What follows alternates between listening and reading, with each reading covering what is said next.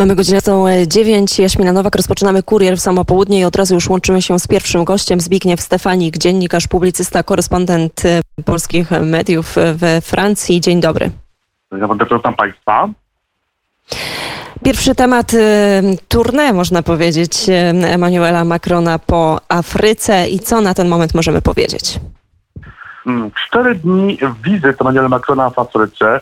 Właściwie Emmanuel Macron e, odwiedził no niemal e, największe państwa e, Afryki Zachodniej.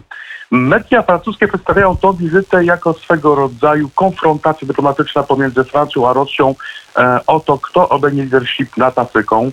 Jak wiemy, trwa mm, ostra rywalizacja, wręcz bój polityczny, e, ideologiczny, wizerunkowy, propagandowy, gospodarczy o to, czy Moskwa, czy Paryż e, będą tak naprawdę w następnych e, latach dominującym e, czynnikiem, aktorem w Afryce. Emmanuel Macron więc udał się mm, do Afryki Zachodniej, aby z jednej strony przypomnieć mm, przedstawicielom tych państw, iż tak naprawdę Rosja zachowuje się obecnie jak państwo kolonialne, ponieważ jak wiemy Afryka była kolonizowana i to przemawia do ich świadomości. Emmanuel Macron również, co było obiektem pewnej kontrowersji, wypełniał swego rodzaju hipokryzję, przebywając jednym z państw afrykańskich, hipokryzję wobec tych państw wojny w Ukrainie. Otóż jak wiemy, większość państw afrykańskich nie potępiło rosyjskiej agresji na Ukrainę z prostego powodu. Otóż Afryka jest zwyczajnie uzależniona żywnościowo od poczynień Władimira Putina. Jak wiemy, na wojnie żywnościowej, którą wydał Władimir Putin e, całemu światu, e, obecnie cierpi najbardziej Afryka. Tak więc Afryka znajdująca się w, trudnym położeniu e, nie była w stanie kontrreagować, nie była w stanie tak naprawdę przeciwdziałać temu, co ją spotkało i stała się de facto przedmiotem rozgrywek rosyjskiego prezydenta. O tym właśnie był francuski prezydent. Jednak z drugiej strony Emmanuel Macron proponował nowe otwarcie, czyli z jednej strony rozliczenia historyczne, E, dotyczące właśnie kolonizacji i tego, co działo się po okresie kolonizacji, ale z drugiej strony powtórzył to, o czym mówi od no de facto pięciu lat, czy od procesu prezydentury, e, czyli nowe otwarcie w stosunkach gospodarczych, politycznych, kulturowych. Emmanuel Macron e, proponuje wsparcie dla państw afrykańskich w ich rozwoju gospodarczym. Jak wiemy, część państw afrykańskich należących do zachodniej Unii państw afrykańskich myśli o wspólnocie wzorowanej na Unii Europejskiej. W tym celu e, jest powoływana wspólnota walutowa, e, a więc ten no, projekt, jak mówiliśmy, inspiruje się no, z tego, co Francja wprowadzała e, z Niemcami, Włochami, Beneluxem w latach 50. XX wieku. Tak więc Francja chce być swego rodzaju motorem rozwoju afrykańskiego, tak właśnie, aby przeciwdziałać ekspansji rosyjskiej. Przypomnijmy, E, iż Francja przegrała de facto z Rosją wojnę o, o Mali, wojnę polityczną. Jak wiemy, we wrześniu ubiegłego roku rząd malijski poinformował, że zamierza, e, czy też podpisał kontrakt e, z tak zwaną grupą Wagnera na ochronę swych dygnitarzy politycznych, kulturowych i gospodarczych. To zaskutkowało de facto zakrytą współpracą pomiędzy Kremlem a, a Bamako. E, ta współpraca przyczyniła się e, niewątpliwie, być może wręcz doprowadziła e, do wycofania się sił międzynarodowych z Mali, którzy działali w ramach operacji Barkan, mówię o operacji antyterrorystycznej. Skutki te są widoczne już obecnie, ponieważ jak wiemy ataki dżihadystów nasilają się w Mali. Jeszcze przecież wczoraj zostało zamordowane kilkudziesięciu e, cywili, cywilów. E, wiemy również, iż zarówno e, tak zwany Wagnersi, jak i wojska malijskie dopuszczają się zbrodni narodowości cywilnej w Mali, chcąc niejako obciążyć Francję za te zbrodnie. Tak więc Francja została de facto wyparta przez Rosję, jej propagandę, przez rosyjskie fundusze i rosyjskie paramilitarne siły zbrojne z, z Mali. E, podobny scenariusz być może wydarzy się w Burkina Faso przez Gwinei. Tam również doszło do zamachu stanu e, przy wsparciu Kremla z udziałem Wagnersów. A więc e, toczy się walka o Afrykę. Ten trzeci czynnik, trzeci aktor również jest istotny, a o nim mówimy zbyt mało, czyli Chiny, ponieważ obecnie o Afrykę rywalizują, no można powiedzieć, trzy państwa. To jest Francja, Rosja i Chiny, a być może Francja versus Rosja przy wsparciu Chin. Jak wiemy, działania, działania chińskie, w tym działania wydobywcze, surowców kopalnianych, w tym złota diamentów, również prowadzą do, do przykrych konsekwencji środowiskowych dla ludności afrykańskiej. A więc Francja, jak gdyby, ma bardzo trudne relacje z Afryką, ponieważ przeszłość francusko-afrykańska jest skomplikowana. Francja była państwem kolonialnym. Mm, poszczególni obywatele państw afrykańskich pamiętają o tej niechlubnej roli Francji w tamtym okresie. E, jeszcze w latach 90. Y, dość niechlubny epizod, czyli no dość dwuznaczne działania francuskie podczas ludobójstwa w Ruandzie.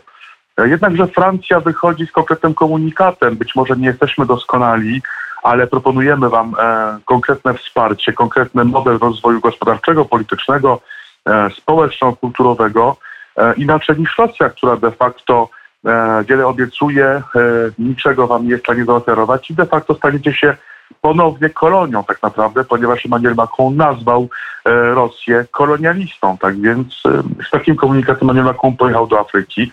Pytanie, na ile ten będzie skuteczny, ponieważ pewnością dla przywódców państw afrykańskich, jak wiemy państw no niekoniecznie demokratycznych, e, łatwiej współpracuje się z e, Moskwą i e, Wagnersami, no, którzy nie mają zbyt wiele oczekiwań, jak się można domyślać, pod względem demokratycznym, też pod względem praworządności, praw człowieka, niż z Paryżem, który jednak stawia pewne wymagania i pewne standardy. Paryżem, który nie może akceptować wszystkiego, na przykład nie może akceptować zamachu stanu, nie może akceptować zbrodni przeciwko ludności, e, czy też jakichkolwiek innych czy też przestępstw.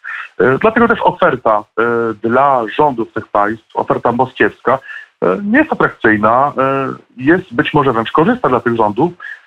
Pytanie, czy ta oferta jest korzystna dla społeczeństw, dla populacji e, państw afrykańskich, no, którzy coraz bardziej cierpią. Przypomnijmy, co dzieje się w Mali. E, coraz bardziej cierpią przez obecność rosyjską, obecność chińską. E, pytanie jednak, e, jak potoczy się los Afryki? Jak wiemy, Afryka jest de facto zakładnikiem, o tym mówimy zbyt mało. Jest obecnie zakładnikiem Władimira Putina. Warto przypomnieć o spotkaniu Władimira Putina i przewodniczącego Zachodniej Unii Afrykańskiej, prezydenta Senegalu Macky Salla, gdzie właściwie prezydent Macky Sall no, niemal prosił Władimira Putina o to, żeby nie głodził Afryki, na co prezydent Rosji pozostał całkowicie głuchy. A więc y, Afryka y, ma trudną przeszłość y, i jest nieufna wobec y, państw europejskich, co jest zrozumiałe. Ale obecnie jej teraźniejszość to tak naprawdę bycie zakładnikiem sytuacji, y, która dzieje się w Ukrainie, sytuacji, y, którą tak naprawdę kreuje Władimir Putin. Czy też przywódcy państw afrykańskich zrozumieją, że sojusz z Władimirem Putinem na krótką metę być może stanie się korzystny, ale w perspektywie długoterminowej będzie z pewnością bardzo niekorzystny. Mm, tego nie wiemy, jak wiemy, jednak stosunki moskiewskie z Afryką sięgają przecież już XX wieku.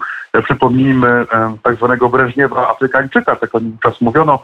W latach 70. XX wieku wówczas Związek Sowiecki pod przywództwem Leonida Breżniewa rozwijał swoje stosunki z Afryką, z państwami afrykańskimi, właśnie proponując wsparcie polityczne poszczególnym dyktatorom afrykańskim, jak również broń i wsparcie militarne.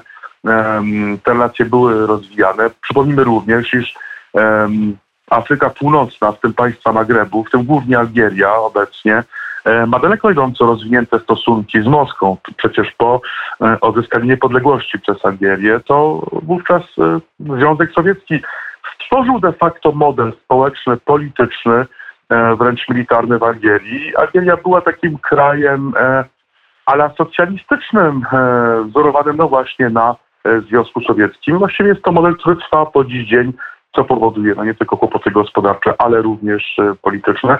Niemniej obecnie e, rządzący Algierią mogą korzystać e, ze wsparcia Moskwy, co jest kłopotem dla nas, Europejczyków, ponieważ przypomnijmy, 12% gazu, który wykorzystujemy w Europie, właśnie płynie z Algierii. Rosja jest w stanie doprowadzić do sytuacji, gdzie ten gaz Algierii do Europy przestanie płynąć. Na przykład może doprowadzić do sytuacji, gdzie dojdzie do konfrontacji militarnej z Marokiem. A więc e, działania rosyjskie m, podejmowane w Afryce mają dla nas daleko konsekwencje, ponieważ te działania mogą doprowadzić e, w Europie do kryzysu migracyjnego, do kryzysu energetycznego. Dlatego też e, Francja przygląda się tak uważnie temu, co robi Władimir Putin w Afryce, a Władimir Putin świadomy tego, jak bardzo Afryka i jej problemy mogą oddziaływać na Europę, podejmuje działania, które są korzystne dla Kremla, niezwykle niekorzystne dla nas, Europejczyków. Tak więc e, Pytanie, czy Unia Europejska będzie w stanie przedstawić taką ofertę Afryce, realną ofertę, która de facto będzie w stanie w jakiś sposób przebić ofertę mm, moskiewską, ofertę rosyjską. E, z jednej strony więc trudna historia. Nie tylko Francja, ale całej zachodniej Europy, Belgii, Włoch, nie tylko z Afryką. Z drugiej strony teraźniejszość działania Władimira Putina, jego pieniądze, jego wojsko, jego wsparcie, jego paramilitarne służby, które wspierają poszczególnych dyktatorów i pewnością tutaj korzysta, ale pytanie, czy Afryka jako kontynent, czy społeczeństwa afrykańskie mają jakikolwiek interes w tym, aby to właśnie Rosja rozszerzała stosowe wpływy na tym kontynencie? Z pewnością nie. Panie redaktorze, o wizycie Emmanuela Macrona w Afryce wszystkim, co się wiąże o kryzysie żywnościowym. No właśnie, wczoraj premier Francji zażądała limitów ogrzewania i klimatyzacji. Proszę powiedzieć, jak francuskie media komentują kryzys gazowy? E, faktycznie, podobnie jak inne państwa, Francja przygotowuje się na ewentualność e, całkowitego odcięcia e, gazu płynącego z Rosji. Przy czym przypomnijmy, iż Francja jest tym państwem w Europie, który mm, teoretycznie oczywiście będzie miał najmniejszy kłopot, jeśli Rosja odetnie gaz, ponieważ no, tylko 17% wykorzystywanego gazu we Francji płynie z Rosji. Jednakże faktycznie doprowadzi to z pewnością do dużych zakłóceń na rynkach energetycznych w tym do e, podwyżki cen, co, co niewątpliwie nastąpi w takim wypadku. E, a więc Francja, e, mając jednak świadomość, że budżet nie uniesie na dłuższą metę stabilizacji, regulacji cen, ponieważ, no przypomnijmy, no nie tylko we Francji, przecież no niemal w całej Europie to właśnie państwa dopłacają de facto do gazu dla odbiorców indywidualnych, a więc rząd jest świadom tego, że budżet nie jest w stanie tego unieść zwyczajnie na dłuższą metę, zachęca obywateli francuskich do tego, aby oszczędzali źródła energii, w tym e, chodzi tutaj o gaz i o prąd, czyli to są te dwa surowce, do których to państwo francuskie dopłaca. Mówię tutaj o odbiorców e, indywidualnych. Jak wiemy, Unia Europejska również um, działa w tej kwestii. Przyjęto przecież um, no de facto kilka, kilkadziesiąt godzin temu um, pewną, pe, pewną rezolucję polegającą na redukowaniu um, użycia gazu o 15% prawda, w całej Unii Europejskiej.